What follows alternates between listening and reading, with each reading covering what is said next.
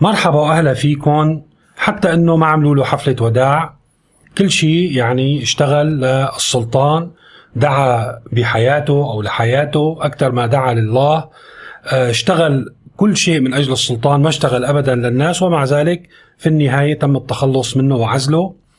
على سيرة السلاطين كانوا دائما معروف عنهم بكل مواقع المسؤولية بيحطوا أفراد ولاة وغير ولاة هلا وقت طبعا بيطلقوا يدهم عملوا اللي بدكم إياه. بدنا منكم نحن الأموال المطلوبة والرجال عند المعارك والولاء المطلق للسلطان يعني إنه يكون مقدس. ودائما كانت الأمور بهذا الاتجاه. هلا وقت يصير في غلط حتى أحيانا وقت يكون هذا الموضوع توجيه من السلطان نفسه. والناس تستاء وتوصل لحد التمرد كان شو يسووا يضحوا بهذا المسؤول. إما يعزلوه أو ينفوه أو حتى يأمروا بقتله لحتى يرضوا الناس لأن هدول الأشخاص أدوات مطلوب منهم يخدموا السلطان أحياء أو أموات يعني هي شغلتهم.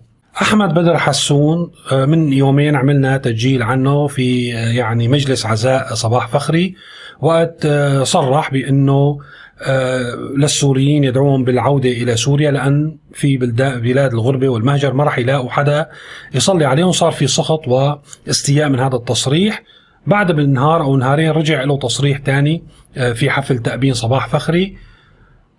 وقت قال إنه آه، في سورة بالقرآن الكريم اسمها سورة التين قال مذكور فيها هو فسرها طبعا هو قال هو فسرها بأنه مذكور فيها خارطة سوريا وبأنه كل من يقيم في سوريا هو في أحسن تقويم ومن يغادر سوريا هو يعني سيكون أسفل السافلين. وقامت عليه طبعا كل الدنيا سوريين وغير سوريين مؤيدين ومعارضين غلط غلطة كبيرة. عفس زيادة عن اللزوم. هلأ عادة نحن بسوريا وقت الواحد بيغلط من المسؤولين ما بيكسروا شوكته. يعني من تحت لتحت بيعاقبوه بيبعتوا له تنبيه بياكل له بهتلة.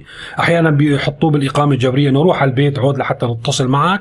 انكترت انكترت بيقيلوه على الساكت يعني بيخلوا كرامته محفوظة.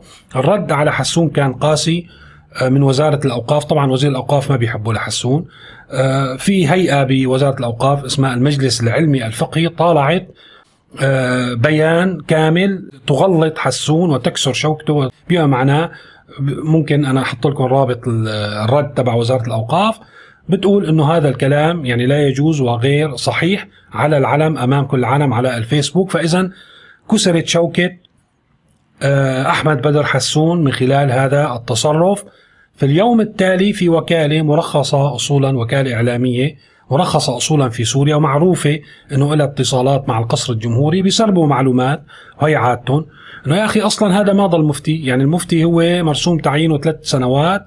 هذا المرسوم حدد آه، لحسون فترة كونه أنه مفتي الجمهورية وخلصت من شهر واليوم هو ما ضل مفتي للجمهورية. بالفقرة اللي بعدها بيقولوا لك إنه أساسا في توجه بسوريا بأنه ما يضل المفتي هو شخص. نحن رح نعتمد على العمل الجماعي. رح يكون المجلس العلمي الفقهي هو الذي يصدر الفتاوى. فاذا فينا نقول إنه تم يعني التخلص أو اسدال الستار على حسون ومنصب مفتي الجمهورية في في سوريا، هلا شو هذا المجلس العلمي الفقهي؟ فتحنا الإنترنت على وزارة الأوقاف، طلع فعلا في مجلس بهالاسم مشكل من عام 2018 بتوجيهات من بشار الأسد ويقوم بعمليات الإفتاء، طبعا هو مشكل من رجال دين من كل المذاهب يعني في في الإسلام وأيضا من رجال دين من غير الإسلام مسيحيين وخلافه، يقوم بإصدار الفتاوي بشكل جماعي من خلال آلية معينة.